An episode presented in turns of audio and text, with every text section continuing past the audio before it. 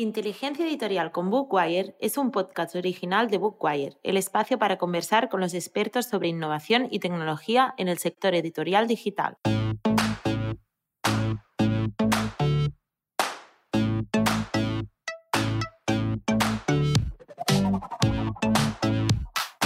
Hola, bienvenidas y bienvenidos a un nuevo episodio de Inteligencia Editorial con Bookwire. Soy Julia Prada Llorens y hoy os saludo desde Barcelona. Hoy quiero hablaros de una editorial con más de 50 años de historia que ha publicado los títulos de los autores contemporáneos más significativos en el ámbito de la narrativa y el ensayo, tanto en traducciones como en lengua española. Se trata de la editorial Anagrama.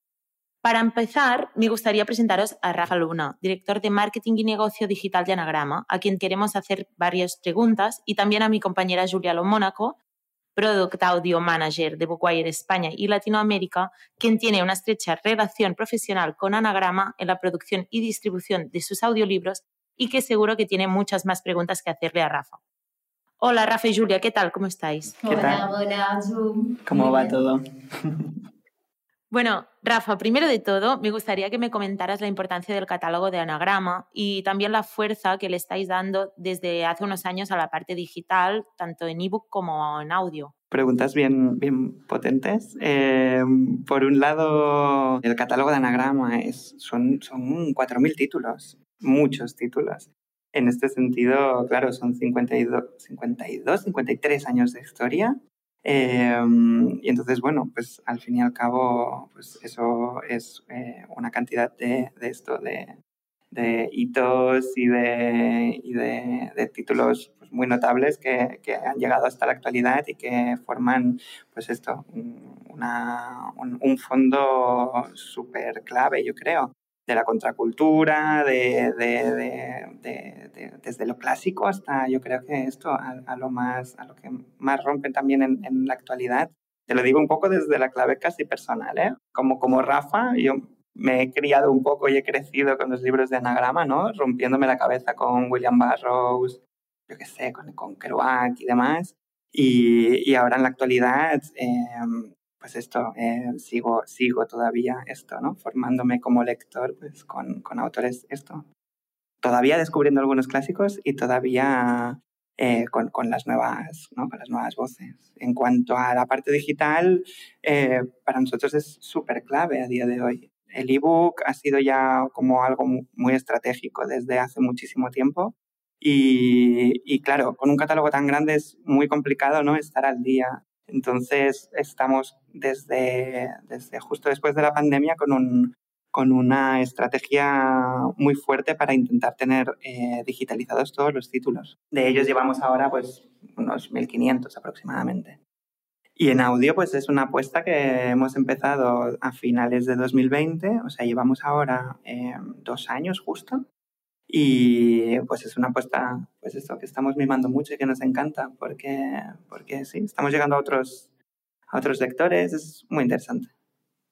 Bueno, como dices, estáis apostando por el audio en el terreno de los audiolibros, pero también tenéis un podcast que se llama Tema Libre, que se define como una conversación sin presentador ni reglas y donde invitáis a algunos de los autores que publican en Anagrama, como por ejemplo Alejandro Zambra, que nos acompañará uh, en el día de hoy, que seguro que puede explicarnos más de, de tema libre. Hablando de esto de, de, de, del podcast, pero también en general del, del audio, tanto, también de los audiolibros, digamos. Eh, me gustaría saber si tienes algún consejo que te gustaría dar a los editores que quieran llevar su catálogo al mundo del audio, tanto para audiolibros como mm. quizás grabar un podcast también de marca. Yo, vale, eh, yo, yo no puedo decir que sea súper fácil, porque al fin y al cabo exige, hablando del audio, ¿eh? exige del audiolibro, perdón, esto exige tanto una negociación eh, con los agentes, exige un, coste económico elevado, porque la producción de los audiolibros, pues al final son, son, son, son costes elevados. Sin embargo, yo creo que la, animaría a probarlo. Eh, esto, sin tener miedo a hacer muchísimos, tal vez, eh, simplemente probando. Yo creo que hacer una selección muy, muy, muy, muy afinada eh, diciendo este autor seguro que, seguro que mueve un poco a la gente a que se acerque al audiolibro, em, creo que es una buena cosa, porque nosotros al menos lo que hemos visto es que llegamos a gente que no, que, bueno, sobre todo que no, que no son los lectores habituales de, nuestros, de nuestro catálogo. Y eso yo creo que es interesante, es, es interesante de, de, esto, de observar, ¿no? Em, pero bueno, eh, nunca negaré las dificultades que hay, que hay detrás porque son muchas. Igual con el, con el podcast. El podcast, nosotros lo hemos hecho muy sencillo, entonces, bueno, hay formas realmente de hacerlo esto, que no, que no haya una producción enorme detrás. Eh, pero es que son mundos tan, tan, no sé, estimulantes a día de hoy, ¿no? Para, para experimentar. Bueno, yo sé que nos la pasamos bastante bien con esto de, de, de, grabar, etcétera, elegir el catálogo y todo, pero es, es, objetivamente los costes son, son elevados, obviamente, sobre todo si se busca una, una grabación de calidad. Mm. Eh, y por otra parte, lo que decíamos, antes estábamos un poco charlando así, decíamos también la proporción de la oferta en audio del catálogo de anagrama al día de hoy, digamos, nos acercamos a los 100 más o menos. y, que es muchísimo en realidad. Que es muchísimo. Es una, Por supuesto, una pasada. es una burrada. Es mucho, mucho audio. Y, y si, lo, si, lo, pienso en horas de grabación, es una, una locura. Eh, pero claro, en comparación a los 1.500 ebooks que hay, hemos dicho más o menos, y los casi 4.000 títulos vivos del catálogo, claramente es una porción reducida, muy mínimo. bien elegida. Uh -huh. Sabes que buena parte de nuestros oyentes, de los oyentes de este podcast de inteligencia editorial, está compuesta por, por editores y seguramente eh, les gustaría saber si el podcast es en efecto una estrategia, uh, una herramienta de marketing eficaz para, para una editorial. Eh, yo creo que sí, para mí es muy clave, de ahí que nosotros hayamos apostado tan fuerte. Siempre hay matices, claro, es una herramienta eficaz en marketing, eh, pero con un retorno poco visible, o sea, no, no es muy analizable ni mesurable. Por lo tanto, es una apuesta un poco al vacío. Eh, por lo tanto, yo creo que para mí como una cosa que teníamos en mente desde Anagrama y que era muy clave, era que esta apuesta eh, la hiciéramos si teníamos que decir algo. Eh, es decir, no hacer algo por hacer, por estar y ya está, porque, porque eso es ocupar un hueco, pero simplemente haciendo un poco de ruido.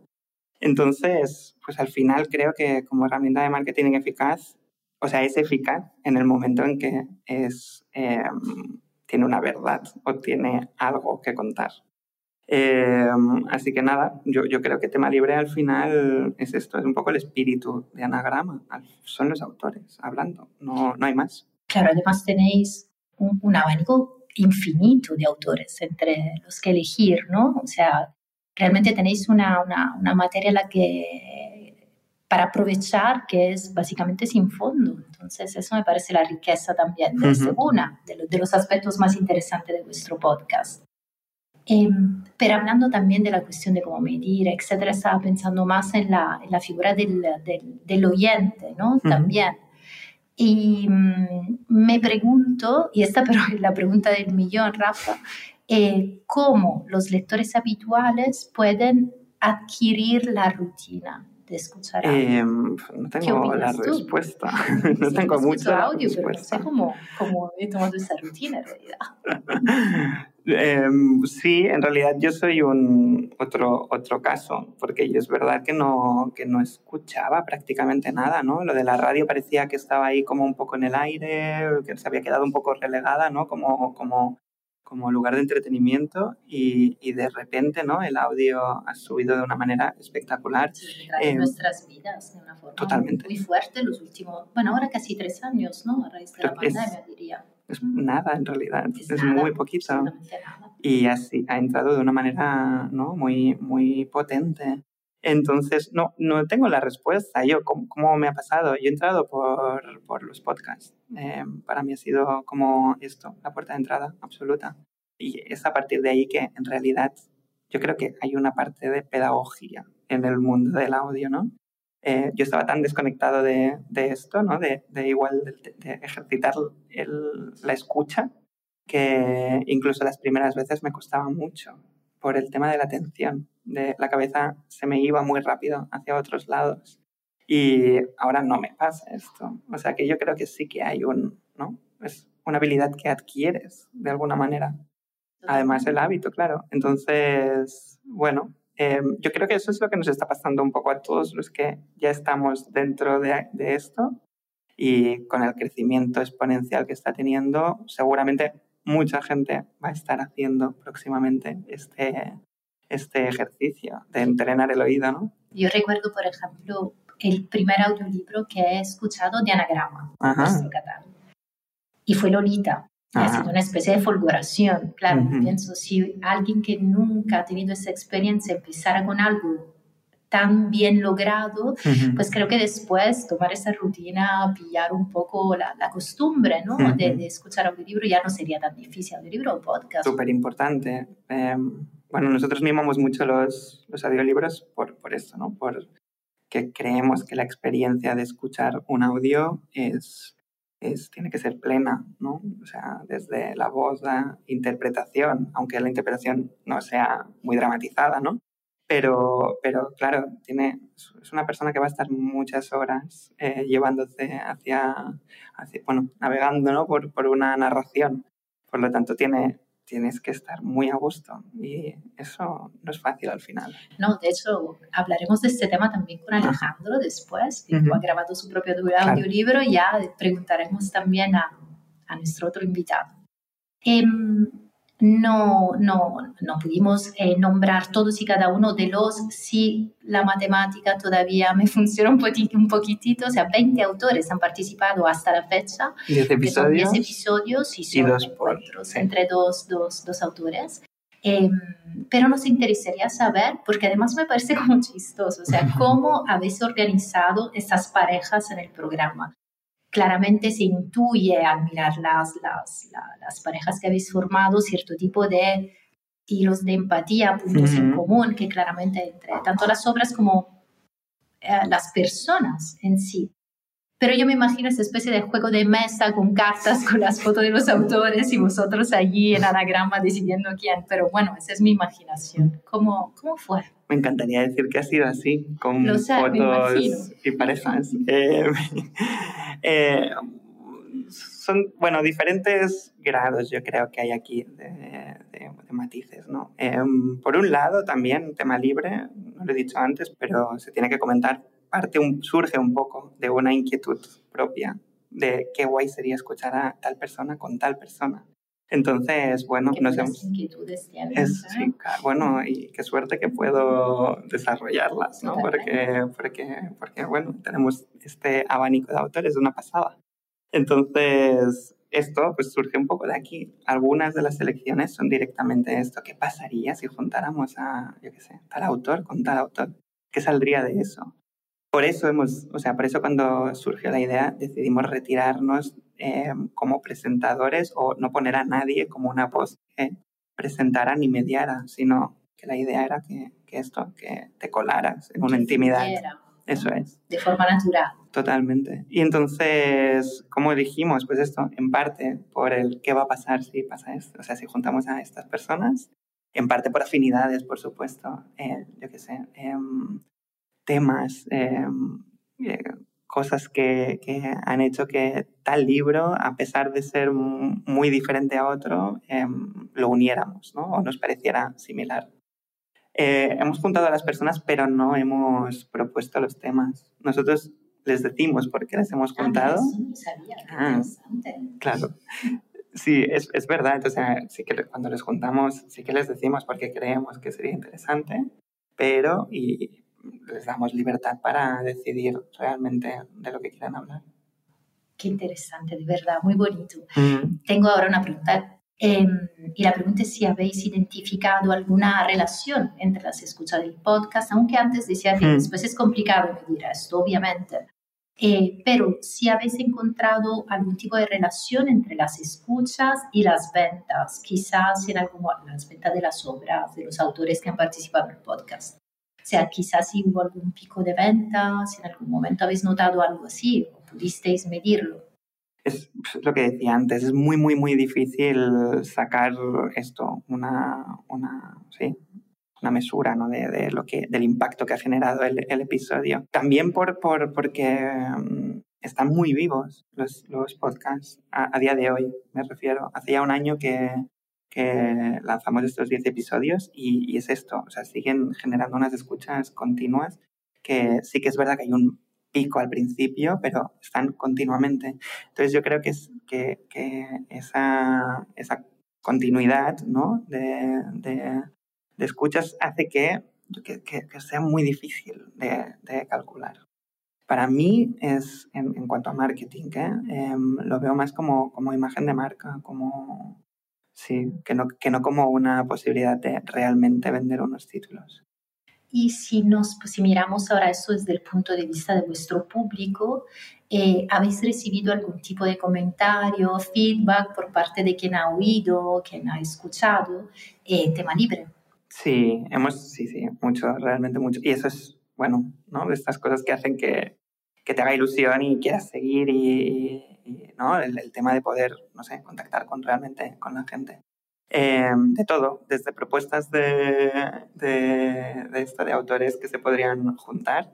O sea, sugerencias. Sí, sí, sí, como, como nuestras propias filias, ¿no? Que hemos podido cumplir, pues las de otras, las de otras personas que nos escuchan. Hasta, sí, hasta, hasta esto, eh, comentarios más genéricos. Pero realmente es, en general ha sido súper positiva la, la recepción y todo lo que vamos escuchando. Me hace realmente muchísima ilusión presentar a Alejandro Zambra, que en Anagrama, como todo el mundo ya sabrá, ha publicado las novelas Bonsai, La vida privada de los árboles, Formas de volver a casa y El célebre poeta chileno.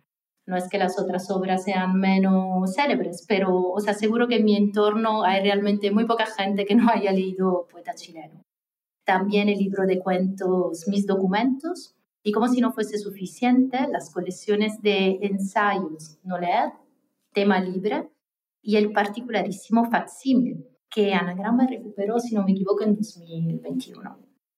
Sus novelas han sido traducidas a 20 lenguas y relatos suyos han aparecido en revistas como el, de New, el New Yorker, uh, el de Paris Review, Granta y Harper's.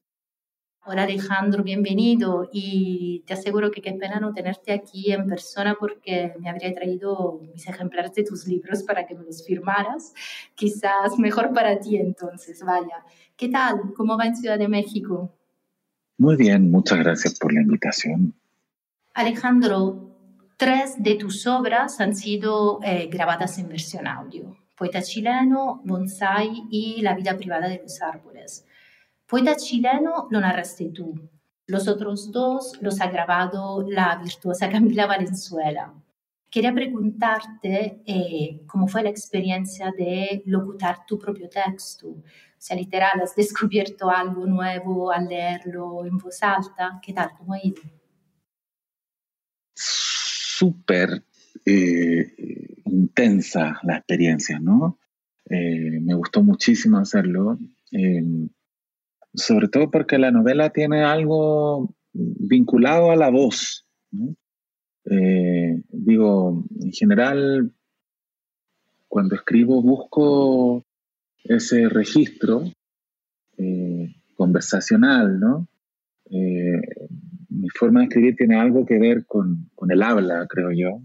Pero en este libro está particularmente presente, ¿no? O sea, yo lo que imaginaba a veces como verosímil del narrador era eh, eh, el de alguien hablando, eh, llenándole la copa a un invitado, ¿no? Para, para, que, para que no se vaya nunca, ¿no? o sea, la, copa nunca llega a estar vacía, porque se la llena y se la llena para, para, retener al, al interlocutor. entonces, la idea surgió de repente un poco de mí, un poco de, Rafael, si mal no recuerdo, aunque era un poco demencial, porque una novela larga, ¿no? De 400 páginas. Bueno, son 12 horas el audiolibro, 11 claro. horas y pico, ¿eh? Sí. Y, fue bastante eh, inesperado, pero divertidísimo también, ¿no? Eh, sobre todo porque estábamos en plena pandemia. Eh, el, el audiolibro salió me parece que unos meses después que la novela. Eh, la novela ya, ya existía, estaba impresa, y entonces iba yo a, los estudios de, de, Harpa, acá cerca, en la Ciudad de México, pero en ese momento, claro, eh, estaba todavía todo muy, muy pandémico, ¿no? Entonces, el estudio hermoso, grande, cómodo, había muy poquita gente, eh, había muchas medidas de seguridad y, curiosamente eso me, permitió, o sea, este, este trabajo, esta obligación, me llevó a, a, un lugar placentero, o sea, me gustaba ir a, grabar. Y luego al leer el texto, por supuesto, eh, surgen cosas, ¿no? O sea, surgen eh, reflexiones nuevas de, un libro ya impreso. Eh, yo corrijo grabando a veces, ¿no? Grabándome. o a veces algo, algo muy ridículo que es poner el texto en un robot y para que lo lean, no sé, eh, Gabriela de México o Rafael de España, no, no, nuestro Rafael Luna ni, ni, el cantante eh, Rafael, eh, sino un robot que se llama Rafael. Tendrías versiones muy diferentes. Sí. Bastante interesante también.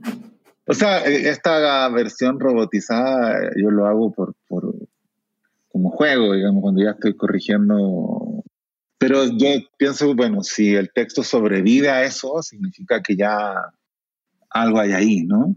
O sea, si sobrevive a una voz mecánica, eh, quiero decir, si igual logras eh, meterte en el relato, a pesar de ese obstáculo, yo digo, bueno, ya. Entonces, no, no, no soy ajeno como a la dimensión sonora de los textos, en lo absoluto, al contrario, me importa mucho. Eh, pero igual al, al, leerlo en el estudio aparecían cosas nuevas, incluso hice algunos cambios después en, en, el, en las ediciones siguientes, ¿no?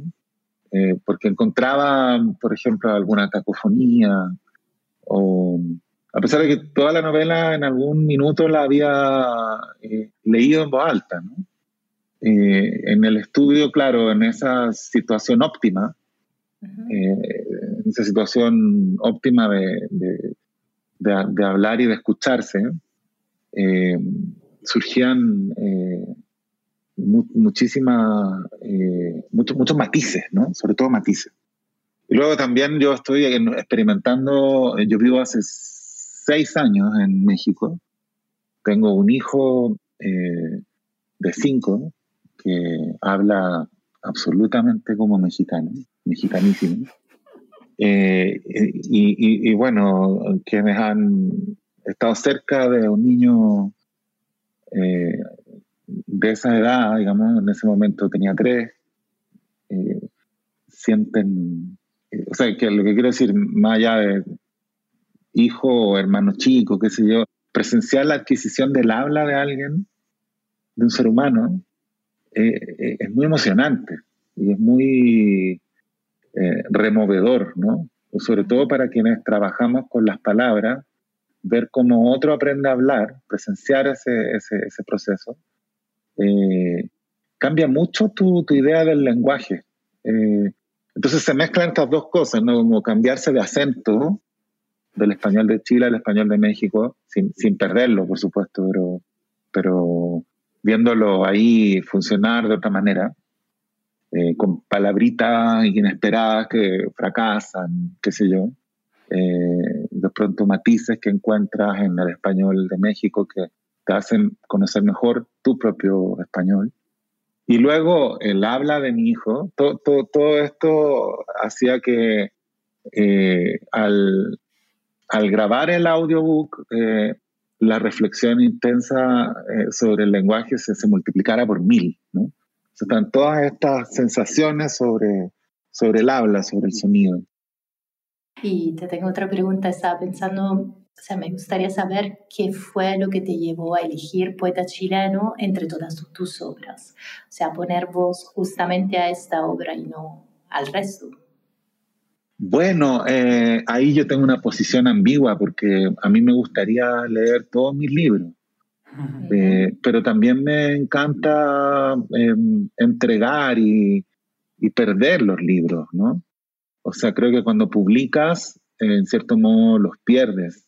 Entonces, eh, por una parte me encantó acompañar este libro en particular, Poeta Chileno, también porque es un libro que se publicó eh, llegó a librería el mismo día que cerraron las librerías, ¿no?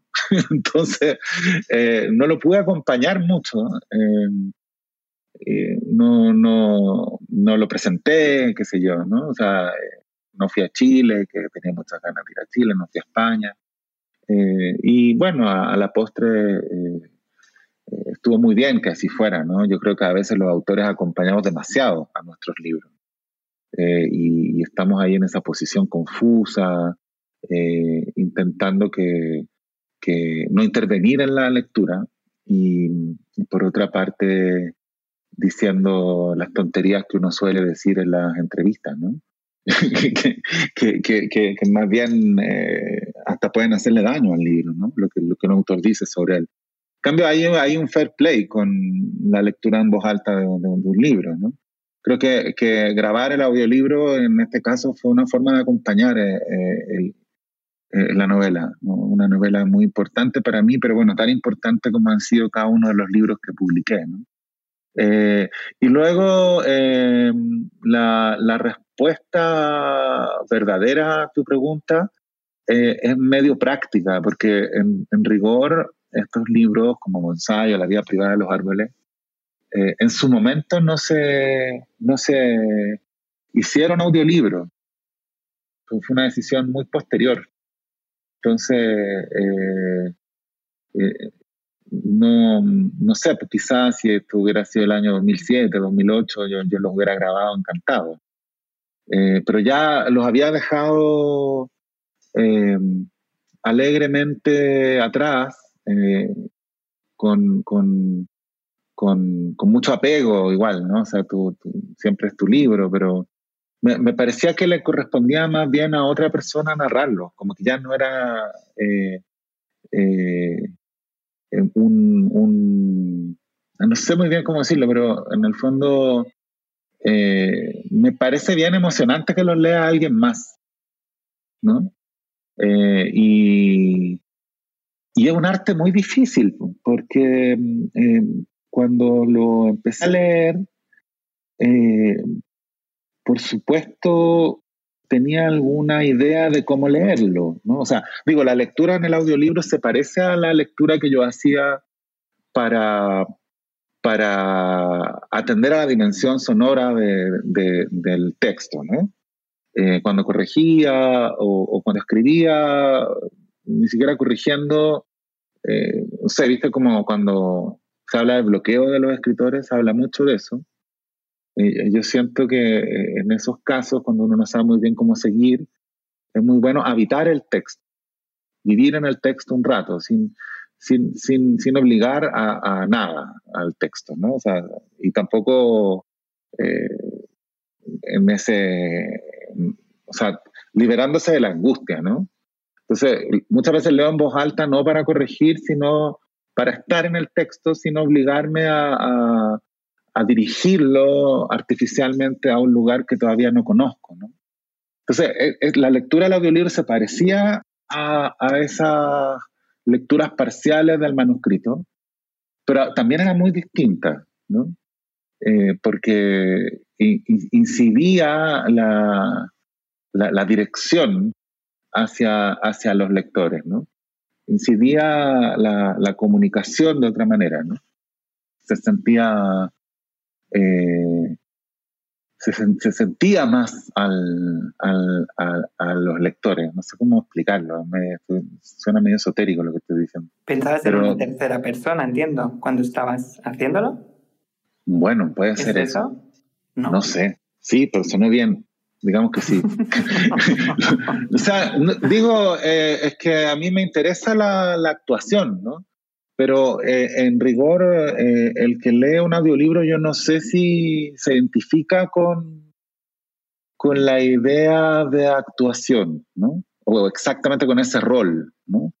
Eh, entonces, me gusta esto que pasa con los audiolibros, que muchas veces la gente elige escuchar un libro no por el autor, sino por el lector.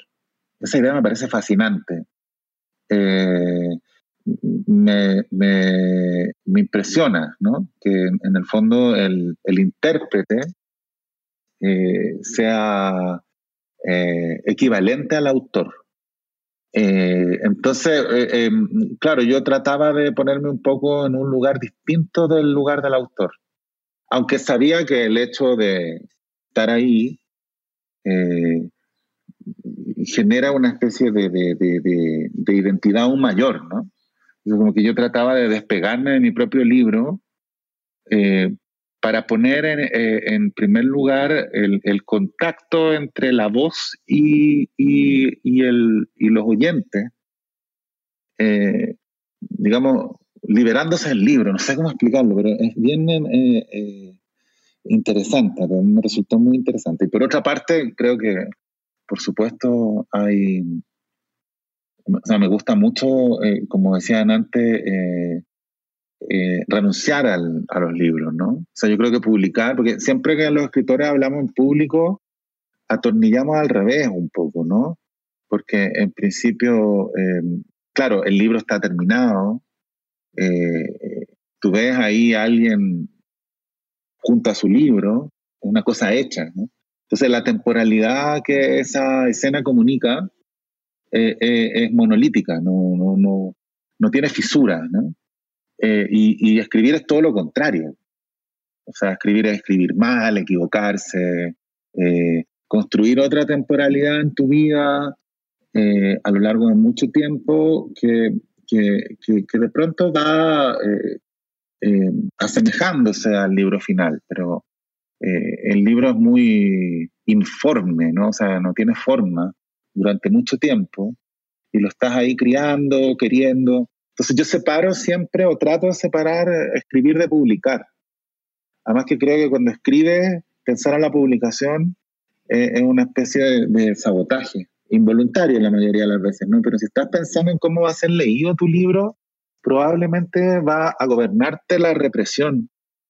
O, eh, o lo contrario, ¿no? Como, como, un, como, un, como una exhibición eh, muy estratégica, ¿no? O sea, como que lo más me gusta a mí de escribir es el momento en que no tengo idea de lo que estoy haciendo. Eh, pero pero yo, yo, sé que suena medio hippie, pero, por ejemplo, si tú vas a escribir hasta, hasta, no sé, por ejemplo, la cosa más pedestre, una, una carta de reclamo, eh, eh, te sientas frente al computador y no sabes exactamente qué palabras vas a usar, ¿no? Lo que tienes es una sensación del efecto que quieres provocar, ¿no? Entonces, importa la forma, por supuesto. Eh, y, pero incluso en un contexto como ese, hay un momento en que, en que la escritura es un goce de palabras y de ritmo, ¿no? Entonces, en la escritura literaria yo creo que eso es extrema y muchas veces no tienes idea de lo que estás haciendo eh, y no sabías que tenía ese personaje eh, en la cabeza, no sabías que esa palabra te, te, gustaba, nada, no sabías nada de eso, pero en el hacer se va, eh, se va afirmando un, un, espacio nuevo también para, para, para, para quien escribe, ¿no? Entonces, ya no, no, sé por qué estoy hablando de esto, pero en el fondo, ah, ah, claro, que cuando publicas el libro es otra clase de decisión, ¿no? En relación a escribir, o sea, escribir es, eh, claro, en el fondo es, buscar una, una forma de respirar, digamos. Y luego cuando decides publicar, claro, ahí tomas decisiones, qué sé yo, eh, eh, de toda índole. Pero una vez que publicas, eh, ya el libro de verdad deja de pertenecerte. Entonces, qué mejor que lo lea alguien más, ¿no? O sea, por ejemplo, me gusta mucho la, la, lectora de Bonsai y de la vida privada de los árboles. Yo creo que ahí la única decisión que tomamos con Rafa era si era una voz masculina o femenina. Y, a mí me gustaba mucho que fuera una voz femenina. Yo recuerdo que lo, cuando lo comentaste y me, me fascinó la idea. Sí, es que también eh, eh, es hacerle un favor al libro en el sentido de que lo, lo, lo eleva a una potencia distinta, lo, lo libera de, de, las huellas autorales eh, de una forma que le sirve al libro, ¿no? Que, que, en el sentido de que lo vuelve más autónomo, más independiente. Yo hago este paralelo ridículo siempre. se dice que, que, publicar un libro es, como parir. Eh, yo lo que digo es que más bien cuando, como cuando un hijo se va de la casa. O sea, estuviste criándolo muchísimos años, fue muy importante, te, te gustaba mucho, te interesaba mucho hablar de él, eh, pero luego, bueno, se va de la casa, eh, quieres que le vaya bien, que no se metan demasiados problemas, que ojalá venga a almorzar los domingos, qué sé yo, eh, pero, pero ya, no, ya no depende de ti. Entonces, en parte el libro tiene que avanzar, entonces qué mejor que haya una voz eh, evidentemente distinta de, la voz tuya, eh, eh, que, que, que, la, que lo pueble, lo repueble, ¿no? lo, lo, lo inunda, lo, lo, asume esta voz. ¿no? Parece súper interesante esto que has dicho, Alejandro, porque, bueno, al final, cuando estamos haciendo audiolibros, ¿no? Siempre intentamos ver qué voz poner, ¿no? Sí, sí, la voz tiene que ser la del la de la voz que narra o tiene que ser el autor. Entonces siempre estás obcecado un poco, ¿no? Con intentar conseguir cuál es esa voz. Y me encantó el ejercicio este de, de, de hacerlo con Camila Valenzuela porque, no sé, fue salir un poco de ese estándar típico y, y, lo que dices, ¿no? Conseguir una cosa diferente. A mí me parece súper bonito y el resultado de los dos libros me parecen maravillosos. Igual yo en general también prefiero a los profesionales, ¿no? o sea, creo que debe ser difícil. Eh, ahí me ayudó mucho Sebastián Novoa, que estaba eh, dirigiendo el, libro, eh, porque uno probablemente cree que sabe leer su libro. Entonces, debe ser muy difícil contrarrestar esa sensación, porque claro, lo escribiste y, en un sentido muy literal es tuyo, entonces creo que debe ser eh, difícil. Yo trataba de ponerme o de extraponerme, digamos, en la situación en la que estaba, de salirme un poco del rol también por eso, porque eh, en principio, hmm. claro, hay algunas cosas técnicas obvias como, eh, qué sé yo, que se note en algún punto hay alguna pausa, que, que de pronto haya un poquitito de interpretación ¿no? en los diálogos. Eh, pero supongo que un problema de, de, la narración de audiolibros por sus propios autores es ese, ¿no? Como su, su aparente legitimidad, ¿no?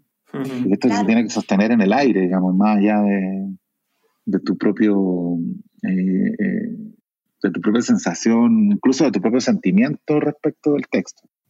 De hecho, Alejandro, justo sobre este tema, es que es muy fuerte que lo hayas pillado justo ahora, te quería contar que mm, hace tiempo, bueno, hace unos meses, digamos, justo durante una conversación entre, entre Rafa y yo, terminamos, terminamos preguntándonos por eh, el efecto que provoca el escuchar un audiolibro narrado por el propio autor.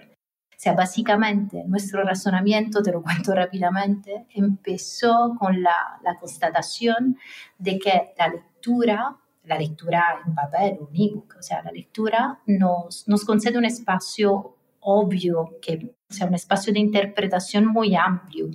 Eh, mientras que cuando escuchamos un audiolibro, sobre todo en el caso de, de la ficción, es esencial que el narrador haya Mm, como decir, conectado con, con la esencia, con la médula de esa obra, para que pueda transmitir una interpretación correcta. Y al final nos preguntábamos, pero ¿quién puede poner en duda que la interpretación del propio autor sea la acertada? Y eso es, es algo con el que nos hemos dado, le hemos dado mil vueltas, recuerdo. Y creo que de alguna manera ya has contestado esa respuesta, pero, pero le da cuando escuchamos un audiolibro narrado por el propio autor, siento que es como si el autor le da una, una autoridad distinta, ¿no? Claro, ahora eso es un problema que no tiene una solución, eh, digamos, tajante o, o, general, ¿no? O sea, por ejemplo, el acento. Esta es una novela muy... Su español está muy cerca del español de Chile. Eh, eh, es español de Chile, escrito coloquial. Eh, en, parte, cuando escribía la novela Viviendo lejos de Chile, me alimentaba de esa ausencia también. O sea, decía, esta es la última vez en que, mi, en que mi español de Chile es verdadero. ¿no? O sea, quiere decir como, mientras más pase el tiempo, eh, mi, mi, manera de hablar va a seguir cambiando. Me parece un problema espectacular a los 47 años, me parece maravilloso tener esa clase de problemas, eh, por el hecho de haberme cambiado de, de, país y haberme radicado en, en, México. Claro, mi español va cambiando, yo me doy cuenta, por ejemplo, de formas quizás no tan perceptibles para los demás incluso, ¿no? Eh, eh, todos los días me doy cuenta de, matices y a la vez igual estoy muy en contacto con el español de Chile, tengo muchos amigos chilenos que viven acá y por supuesto hablo mucho con, con mis compatriotas, mis amigos, mi familia. Pero igual eh, va cambiando sobre todo el influjo de mi hijo es muy poderoso, ¿no? Eh, debería ser al revés, ¿no? O sea, como que el, que, el, hijo hablara como el padre, pero en este caso eh, eh, el padre habla como el hijo, porque, claro, él está en contacto con un español de México muy vivo, en la escuela, qué sé yo, y está todavía, ojalá nunca abandone ese momento de, del, deslumbre lingüístico, ¿no? O sea, que, que, que le interesa mucho el lenguaje y hablar y es como casi como bailar, como equivalente a cantar o a bailar. Entonces, eh, en, ese, en ese sentido, la elección de quien lo lea, por ejemplo, era, creo que sí está claro, por ejemplo, que un audiolibro, no sé si ustedes están de acuerdo conmigo, yo aprovecho de entrevistarlo a ustedes, eh, que un audiolibro es que, que, alude como por ejemplo al español de Colombia, eh, tiene que encontrar un, un, una lectora o lector que, que, que tenga muy cerca esa, ese acento, ¿no? O sea, eh, porque si no es un problema ya de otra índole, ¿no? Como de... Pero a la vez a mí me gusta esa descontextualización, o sea, como que es, curioso porque, por ejemplo, como lector a mí me, me gusta no entender un poco, ¿no? Eh, siempre me interesó mucho la literatura argentina, por ejemplo, eh, en particular, ¿no? que para mí es, de, la, de las más eh, eh, deslumbrantes o interesantes así de la lengua española. Y es muy diversa, muy heterogénea. Entonces, siempre como no entender era parte del asunto, era parte del placer. Casi si te apuntas a lo, a lo inteligible ya es, otro, es otra discusión, ¿no? Y mm, Alejandro, ya que has tenido esta experiencia, ¿tendrías algún consejo para otro autor o autora, obviamente, que se esté planteando narrar su propia obra? Aparte, la eventual crisis de identidad, si ser el autor, no ser el autor, si respetar esa posición o no. Pero ¿tienes algún consejo? ¿Te gustaría dar algún consejo? Sí, eh, sería no lo hagas. No, no, no. Eh, creo que no es llegar y hacerlo. O sea, eh, mira, la verdad es que lo que abunda no daña. Entonces uno podría tener las dos versiones. Ah, o sea, digo, uno podría decir ya que lo lea en estas tres personas y uno es el autor. O sea, a mí me parecería muy interesante eso. Y el autor al final siempre lee en algún sentido su libro, ¿no? En una, en una presentación pública. Entonces, eh, quizá por eso mismo es, mejor que lo hagan profesionales, digamos. Lo, lo, digo también en un sentido político, digamos, ¿no? O sea, porque son las personas que, que, saben hacerlo, ¿no? Eh, ahora, ¿por qué yo contradictoriamente decidí narrar poetas chilenos? Eh, tampoco, bueno, lo expliqué un poquito, pero, pero podría dar muchas explicaciones incluso contradictorias entre sí. y la más sensata y sencilla sería, ¿por qué no? O sea, de pronto, ¿por qué no? Pero, y me gustaría narrar algún, algún otro, digamos. pero yo creo que para un autor el consejo sería no engolosinarse con su autoridad. Eh, porque efectivamente es difícil de cuestionar la autoridad de, la voz si es la voz del autor. Pero eso no necesariamente es bueno para el libro. ¿Me, entiendes? O sea, porque no se trata de si se, se cuestiona o, no se cuestiona, ok. Pero cuál es el efecto que se produce es, distinto. Y luego también, eh, qué sé yo, eh, un consejo sería tratar de, entender bien el trabajo del editor, eh, del, director del, audiolibro. O sea, no, no, bueno, digamos, ser autocrítico sería el consejo, ¿no? Ahora, una cosa que creo yo que quizá contradice todo lo que he dicho, es que sí creo que eh, grabar el audiolibro eh, justo en el momento en que el libro está siendo corregido puede ser muy beneficioso para el libro. Eh, Ese proceso de leer en voz alta.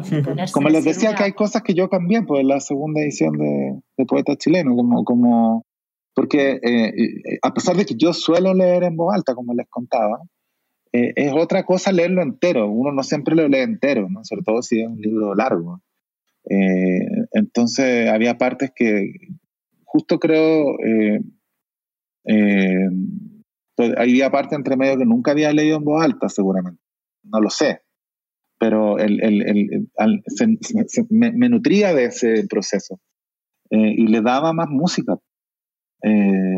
Ahora depende de los estilos también, ¿no? Porque hay, hay libros que no son tan compatibles con la lectura en voz alta también, si eso es cierto, o, sea, o, que su, o que su propósito no tiene que ver con, con, el habla, o sea, eh, eh, entonces por ahí va. Te tengo una última, una última pregunta, eh, ya que tu incursión en el mundo del audio con anagrama, como ya decíamos anteriormente, no se termina con la narración de poeta chileno, sino que también has participado en Tema Libre, en el podcast de, Radio Anagrama. Además es fabuloso que hay este caso de homonimia con una de tus obras, pero bueno, esto me imagino que ya lo habláis con Anagrama, si hay temas de derechos o algo así. Solo recibí una frase por parte de Alejandro que era como acusatoria un poco. Ah, ¿Cuál? ¿Cuál? Ah, que tema libre, claro. Por tema libre, claro. claro. Pero, pero creo que todo bien, ¿no? Estamos bien, Alejandro. Sí, muy bien. Me gusta mucho que, que, se colara ese... Ese, ese título. Es, un, guiño, es un guiño y homenaje. Aparte que de verdad, entre paréntesis, he disfrutado muchísimo del episodio en el que charlas con, con Sara Mesa, la conversación con Sara Mesa, Además, habéis citado, bueno, Agota Christoph, que es una de mis autoras que está fija en mi Olimpo literario, pero bueno, esa ya es una obsesión mía, entonces es otra cosa, pero me interesaría saber cómo te fue, porque también supongo que ese formato de conversación libre, sin presentador, sin anfitrión, sin, ah, ¿cómo ponéis en el sitio? Sin, presentador, ni reglas. Exactamente. Eh, tiene que ser particularmente estimulante, ¿no? Es una especie de, de, ring con esos dos autores allí, sin, sin correa, me vendría a decir, ¿no? ¿Cómo fue? Muy bien, o sea, claro, eh, es que mm, yo tengo esa, esa, paradoja de que quizá uno de los placeres más grandes para mí es, la conversación, pero hablo muy mal. Entonces, claro, yo creo que al final por eso escribo, porque en principio eh, siempre me provoca eh, algún grado de insatisfacción eh, retrospectiva, ¿no? O sea, una típica persona que, chucha, parece que hablé demasiado, o, no dije esto, no dije esto otro. Como que sí me quedo pensando en las, en, en las conversaciones cuando son, cuando son intensas, ¿no? Cuando son importantes.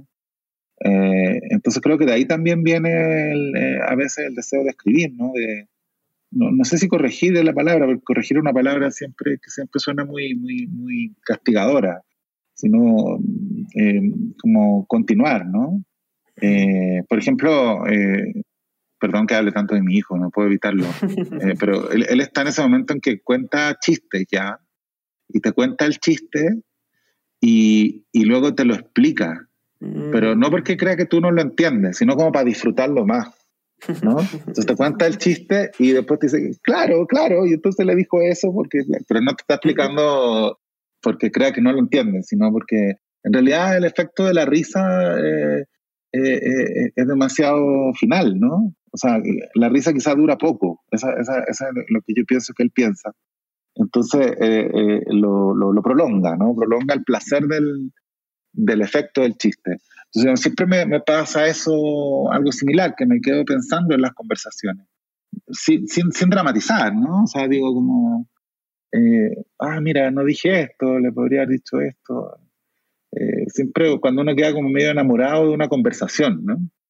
Eh, que, que, que, ojalá es una sensación que recuperemos, ¿no? Después de pandemia, porque cuesta más conversar bueno, eh, entonces esa conversación con Sara yo no recuerdo que hablamos. Solo recuerdo que podríamos haber estado hablando mucho rato. Eh, y, hay un momento en que, que, sucedió más o menos pronto en que nos olvidamos de, de, la grabación. O sea, eh, eso me parece importante. El momento en que nos olvidamos de que esto está siendo grabado también eh, me gustan más los formatos de audio eh, a veces, eh, justo por, por, eso, porque se genera más, o sea, digo, sin imagen, ¿no? se genera más una sensación verdadera de, de, conversación. Como de intimidad. Y claro, y luego también a mí me ha tocado a veces hacer podcast en inglés y es una tortura. pero, pero sobre todo porque es como aceptar un, un grado aún mayor de, de estupidez, ¿no? a, la, estupidez natural, digamos, que uno tiene, y a la incapacidad de expresar con precisión o con belleza eh, las ideas, eh, le suma que, que, te quiten como más o menos el, el 70% de las palabras que tendrías, ¿no?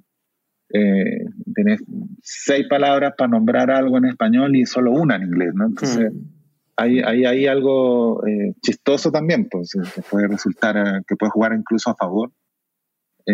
pero entonces, este, este, año en particular hice varias cosas en inglés y, y, y, claro, mi truco, porque es un truco inverso, es nunca escucharlo.